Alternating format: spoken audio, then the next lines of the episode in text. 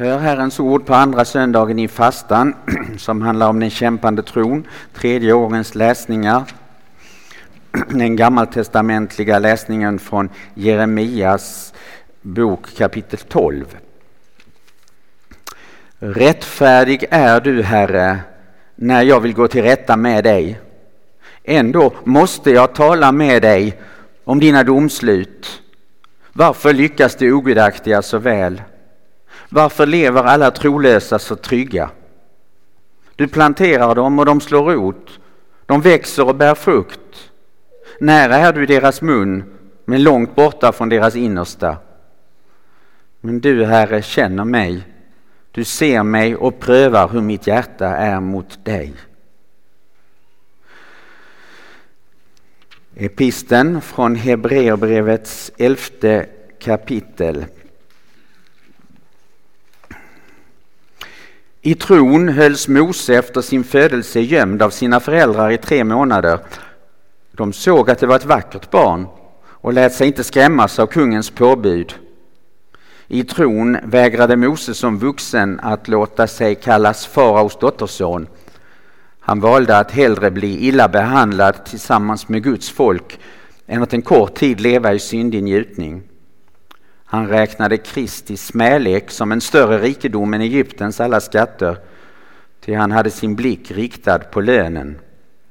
Genom tron lämnade han Egypten utan att frukta för kungens vrede. Därför att han liksom såg den osynlige härdade han ut.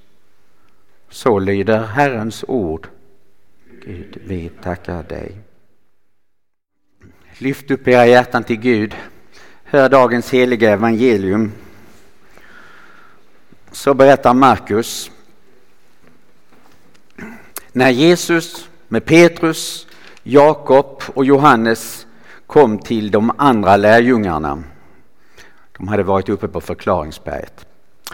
Då såg de mycket folk omkring dem och skriftlärda som diskuterade med dem. Så snart allt folket fick se Jesus blev de mycket häpna och skyndade fram och hälsade på honom. Han frågade dem, vad är det ni diskuterar om? En man i skaran svarade honom, Mästare, jag har fört till dig min son som har en stum ande och var den än får tag i honom slår den ner honom och han tuggar fradga och skär tänder och blir stel. Jag bad dina lärjungar att driva ut den, men de kunde inte. Jesus svarade dem, du släkte som inte vill tro, hur länge måste jag vara hos er? Hur länge ska jag stå ut med er? För honom till mig. Och det kom med honom till Jesus. Så snart anden fick se honom slet den i pojken och han föll till marken och vältrade sig och tuggade fradga. Jesus frågade hans far, hur länge har det varit så med honom? Fadern svarade, sen han var barn Ofta kastar anden honom en i elden och en i vattnet för att ta livet av honom. Men om du kan, så förbarma dig över oss och hjälp oss. Jesus sa till honom, om du kan, säger du, allt förmår den som tror. Genast ropade barnens far, jag tror, hjälp min otro. Jesus såg att ännu mer folk strömmade till och han sa strängt till den orene anden. Du stumme och döve ande, jag befaller dig, far ut ur honom och kom aldrig mer in i honom. Den orene anden skrek och ryckte våldsamt i honom och for ut. Pojken var som livlös och de flesta sa att han var död. Men Jesus tog honom i handen och reste upp honom och han steg upp. När Jesus hade kommit inomhus och lärjungarna var ensamma med honom frågade de Varför kunde inte vi driva ut honom? Han svarade Detta slag kan endast drivas ut med bön. Sedan gick de därifrån och vandrade genom Galileen. Jesus ville inte att någon skulle få veta det eftersom han höll på att undervisa sina lärjungar. Han sa Människosonen skall utlämnas i människors händer och det kommer att döda honom och efter tre dagar skall han uppstå. Men de förstod inte vad han sa och vågade inte fråga honom. Den kämpande tron. Den kämpande tron är en tro som väntar sig allt gott av frälsaren Jesus Kristus. Det blir ämnet för predikan. Den kämpande tron är en tro som väntar sig allt gott av frälsaren Jesus Kristus. Varför är vi här?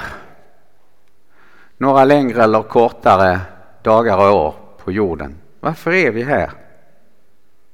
Vi är här för att segla. I min första familj så var det halva familjen som tänkte och trodde så. Vi är här för att segla. Jag har mött andra som har sagt men det förstår du väl att vi är här på jorden för att spela golf. Det är ju därför vi är här. Det är inte alltid så lätt att bli övertygad. Inställningen här blir ungefär som Hej tomtegubbar slå i glasen och låt oss lustiga vara. Ehm, den ehm, dryckesvisan den har ju en fortsättning. En liten tid vi leva här med mycket möda och stort besvär. Och det är faktiskt hämtat från Bibeln. Det är Jobs bok, det fjortonde kapitlet. Nu lossnar tejpen.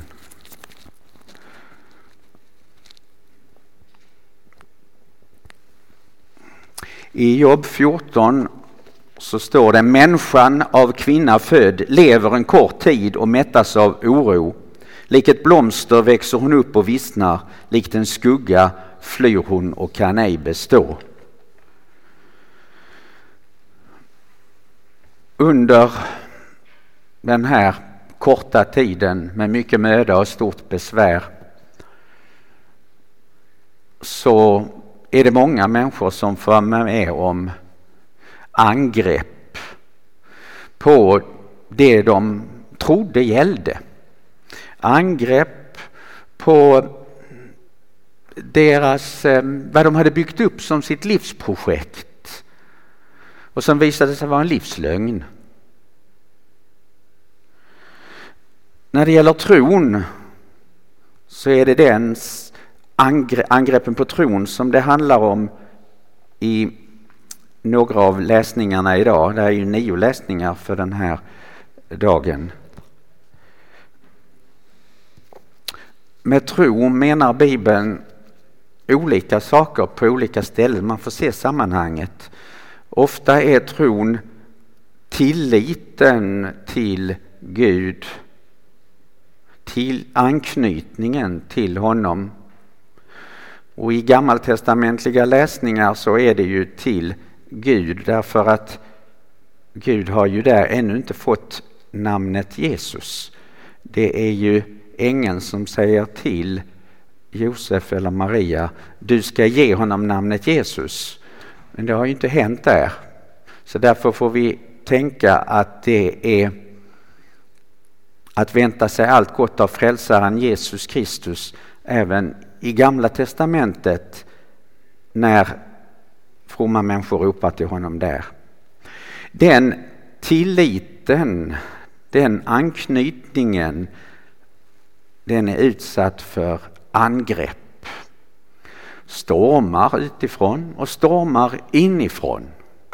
För eh, det är djävulen och det är världen och det är mitt eget falskna jag, mitt kött, som går till angrepp mot den tilliten. Men sen menas också tro i Bibeln på många håll det som vi har i trosbekännelsen. Alltså trosläran. Det som är teologin, gudskännedomen. Och där är det mycket som angreps, angrips, inte minst i våra dagar och i Sverige idag. Vi bekänner i första artikeln att vi tror att Gud har all makt i himmelen och på jorden.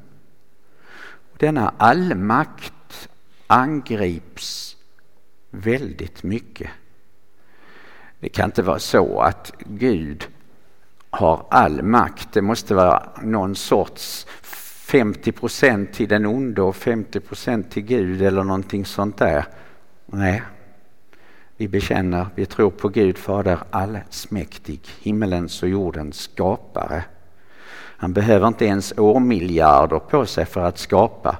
utan han kan säga och det står där.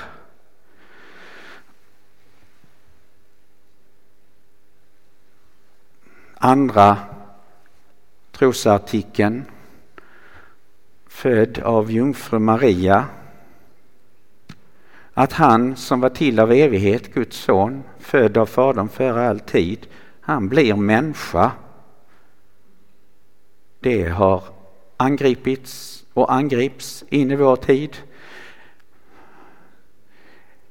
Den högste kyrkliga ledaren i Svenska kyrkan sa för en 20 år sedan, ja, eh, Maria hon är i teologisk bemärkelse en jungfru men inte annars. Inkarnationen angrips. Försoningen angrips. Att eh, det var en alldeles tillfredsställande ställföreträdande gärning som Jesus gjorde på korset. När han lider och dör där så gjorde han tillräckligt för dig och mig och han gjorde det i ditt och mitt ställe. Antingen förtiger man det, undervisar aldrig om det eller det är så som bara ett läte. Domen därifrån igenkommande till att döma levande och döda det är Jesus som ska döma levande och döda. Det ska bli en dom och det är han som är domaren. Och så springer vi omkring och dömer. Och när vi är många som är upprörda över att någon har gjort den stora flytten här från jordelivet så har vi så bråttom att placera den personen i himmelen. Ja, nu, har, nu lider hon inte mer. Nu har han det gott nu, nu har han fått frid och så står det det i begravningsannonser, i dödsannonserna också. Varför ska vi agera domare, varken åt ena eller andra hållet? Det är ju Jesus som är domaren. Tredje artikeln. Attackeras, angrips, anfäktas. Och det blir ju också ett, en själande och ett själavårdsproblem för den som vill vara kyrkokristen. Att det är i församlingen som den heliga Ande har sitt främsta verksamhetsområde och att det är den heliga Ande som gör jobbet när en människa ska ryckas ut ur mörkret och insättas i ljusets rike. Och att det finns goda ordningar i den kristna kyrkan, församlingen och att det finns ingen anledning att manipulera de där goda ordningarna, förstöra dem och förvanska dem. Det är bara till skada för själarna. Men så har vi då det personliga planet med livsprojektet, vilket det nu är.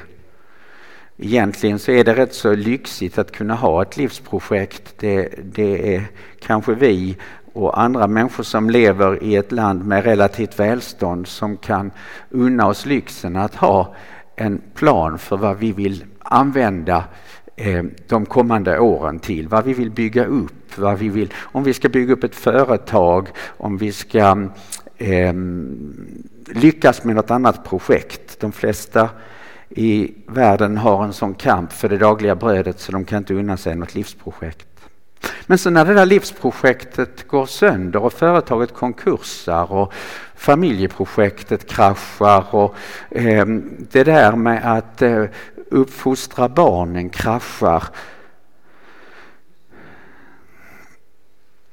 Och så tänker jag på den gamla alkisen på mitt studenthem i Lund. Han som dök upp med jämna mellanrum i sällskapsrummet. Och gång på gång sa han, det har spruckit. Det har spruckit. Det var föresatserna att han skulle sluta dricka. Men det sprack gång på gång.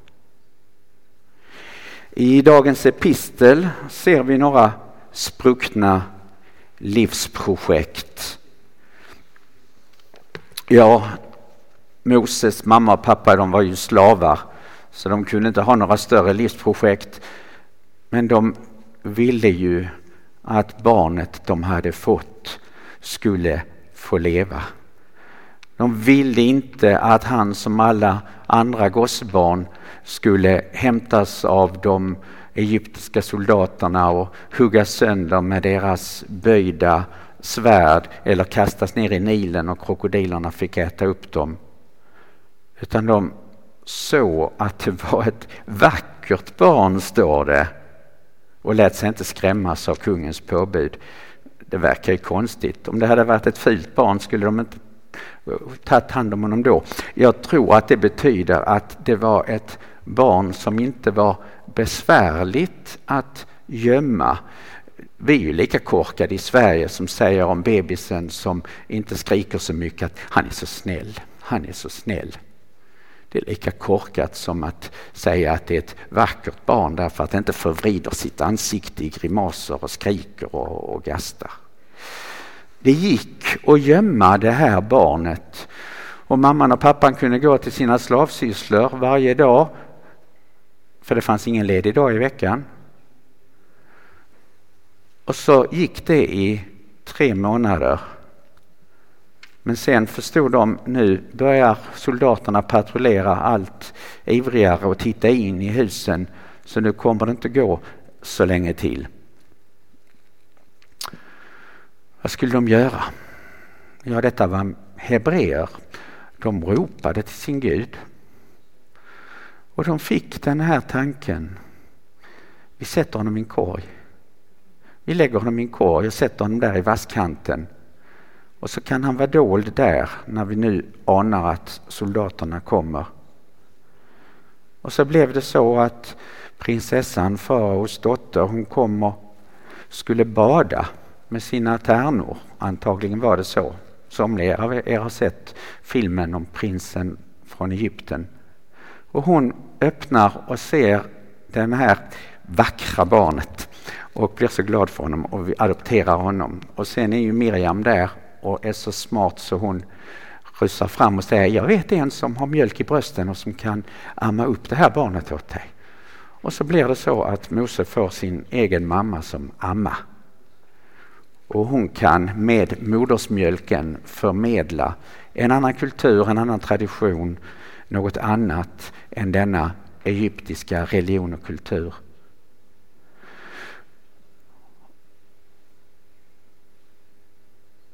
Mose fick se sitt livsprojekt först krascha.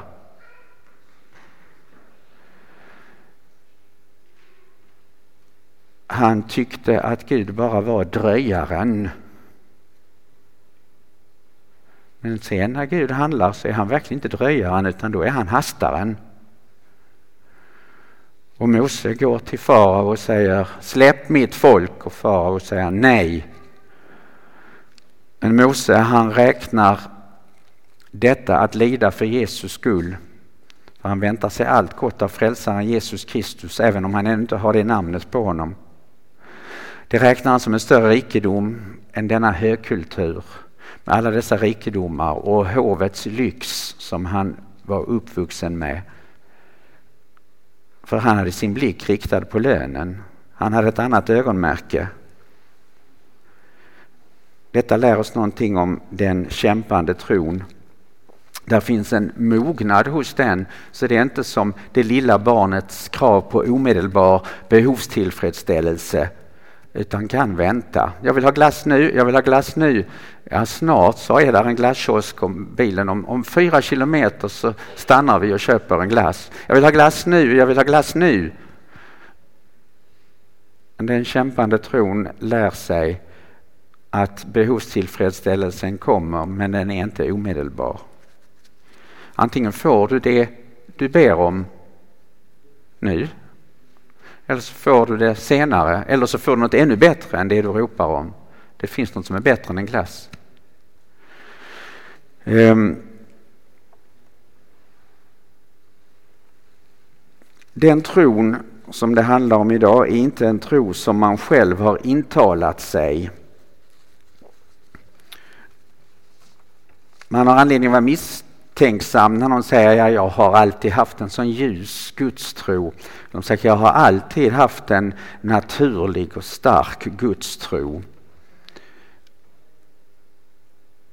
Det där är någonting som man bör ta tag i och se vad det verkligen är för någonting. Den kämpande tron är inte en tro som man själv har intalat sig. Den skapas av Guds ord. Det är ordet från Gud som gör att tron skapas. Den ges åt dig genom dopet. Det är i dopet du får tron. Och tron bevaras och växer till genom Herrens heliga nattvard. Det är där du får näring för tron så helgelsen sker.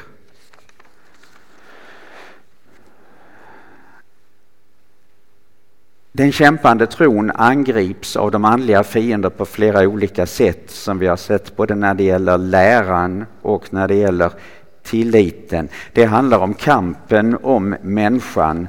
Det som Bo Giertz har skrivit en hel bok om, den stora kampen om människan som pågår, som pågår om dig.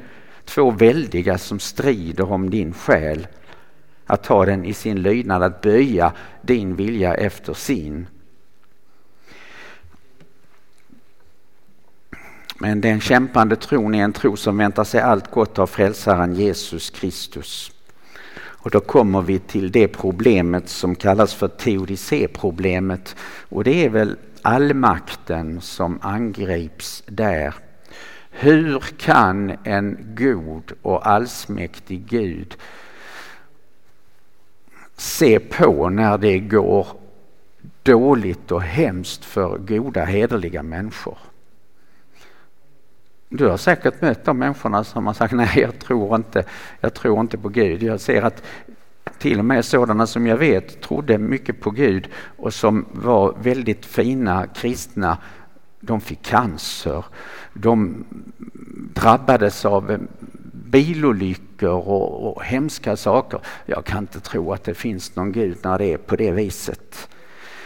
Teodicéproblemet eh, är någonting som vi möter i, i den gammaltestamentliga gärningen, när, läsningen när Jeremia säger Rättfärdig är du Herre, när jag vill gå till rätta med dig. Ändå måste jag tala med dig om dina domslut. Varför lyckas de ogudaktiga så väl? Varför lever alla trolösa så trygga?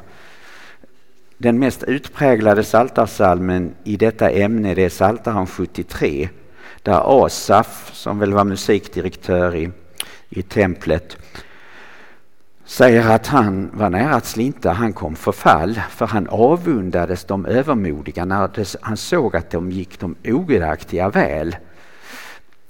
Han stördes av att de var så fria från lidande och hela livet igenom verkar de leva i välstånd.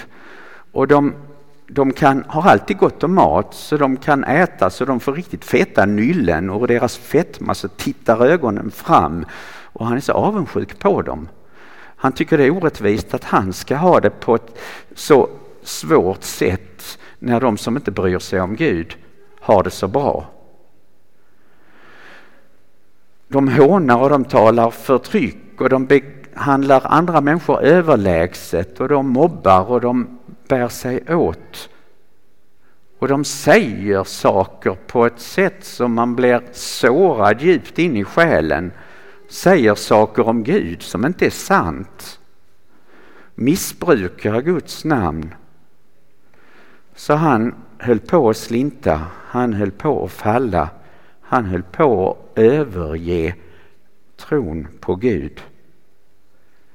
Men så säger han, om jag hade sagt och gjort så här, då hade jag svikit dina barns släkten. Jag hade svikit mina syskon i tron.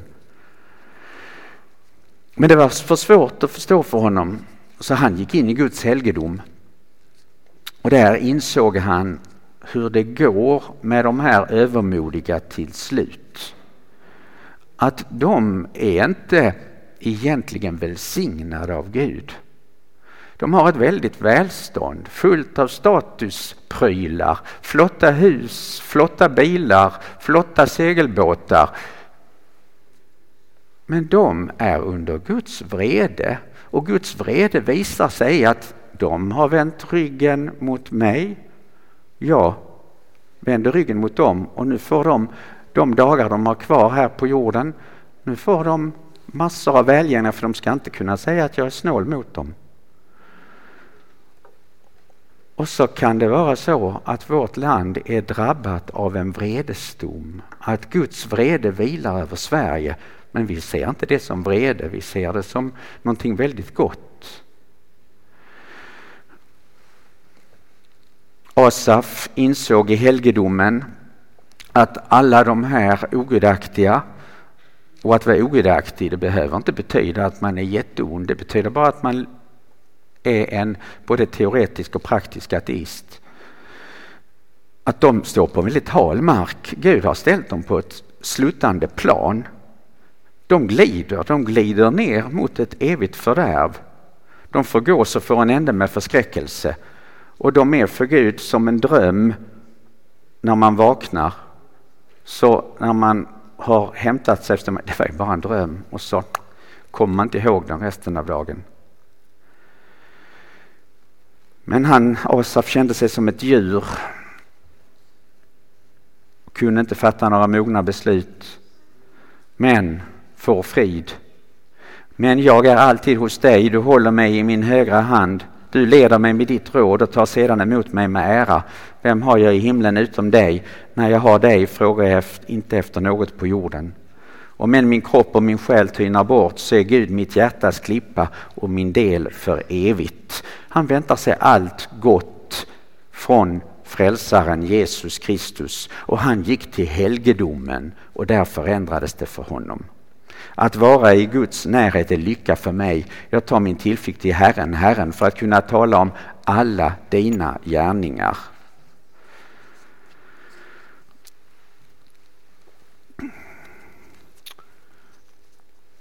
Luther säger om detta, varför det går de ogudaktiga så väl, att det för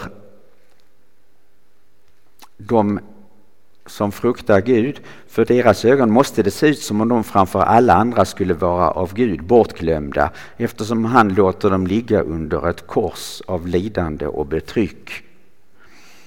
Men Gud har beslutat att efter detta livet, denna korta perioden, ge något helt annat än det som man ser här på jorden. Han ger något helt annat både åt sina kristna och han ger något helt annat åt den andra hopen. Gud gör något helt annat. Luther har borrat i detta med att Gud sannerligen är en outgrundlig Gud. Du frälsare. Det är Jesaja som har det bredvid varandra, att Gud är en outgrundlig Gud och han är en frälsare. Luther menar att man måste lära sig skilja mellan två olika bilder av Gud.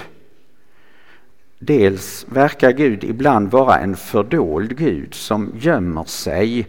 Man hamnar i en dunkel natt som kan vara längre eller kortare tid. Själen blir förmörkad och samvetet känner under den anfäktelsen synden eller någon annan andlig eller kroppslig nöd och kan inte trösta sig med Guds godhet. Den som dömer om Gud efter denna bilden faller utan räddning i förtvivlan. Och förtvivlan är för Luther en svår synd. Därför, den kämpande tron, vad ska den göra? Den ska hålla sig till vad Gud verkligen har uppenbarat om sig och talat om för oss i sitt ord om hurdan han är. Där är inte Gud fördold utan är uppenbar. Han har gett oss kunskap så mycket som vi behöver om honom och hans vilja. Den rätta bilden av den gode, nådige, barmhärtige och försonande guden. Så den kämpande tron, när den finns hos dig så besinnar du att det är likadant som med solen. Idag syns ingen sol. Men den är lika underbart strålande idag som alltid ovanför molnen.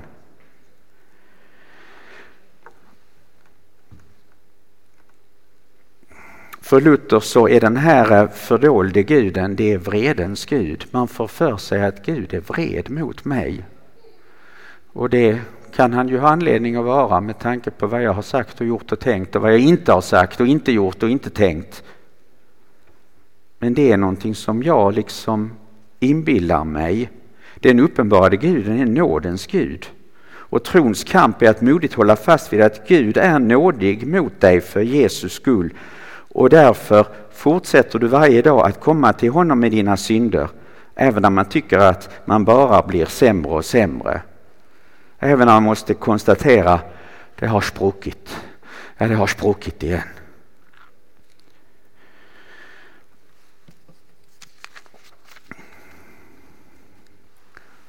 Till slut evangeliet. Vad var det som gjorde att lärjungarna inte lyckades bota pojken? Det var nog brist på den kämpande tron. Bristande tro. Och det kommer en suck från Jesus. Märkte du det? Du släkte som inte vill tro. Hur länge måste jag vara hos er? Hur länge ska jag stå ut med er? Det är mycket tröttsamt för Jesus att vara hos sådana som inte vill tro på honom.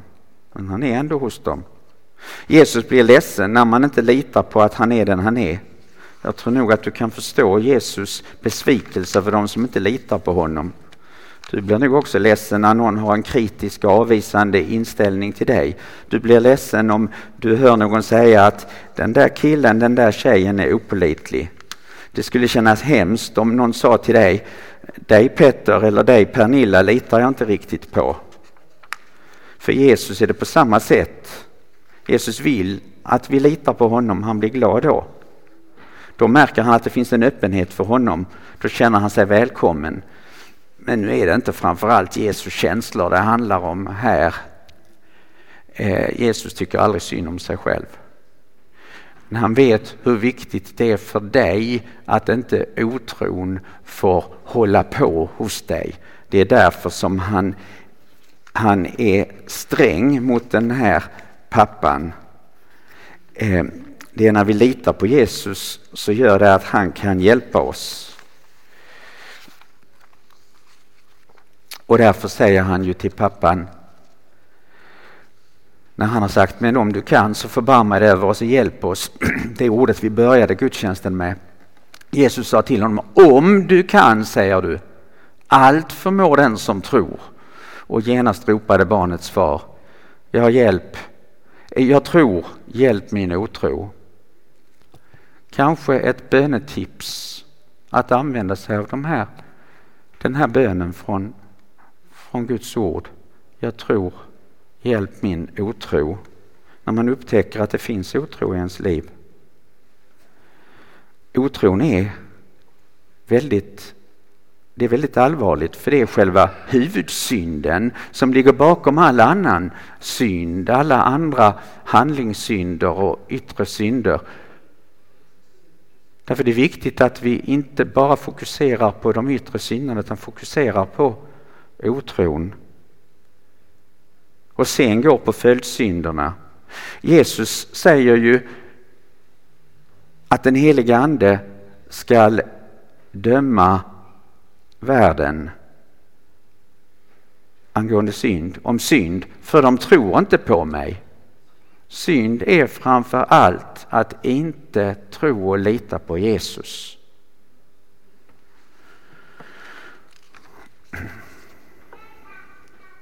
När man är i den här kampen som människorna här i dagens bibelläsningar är och som du kanske är i.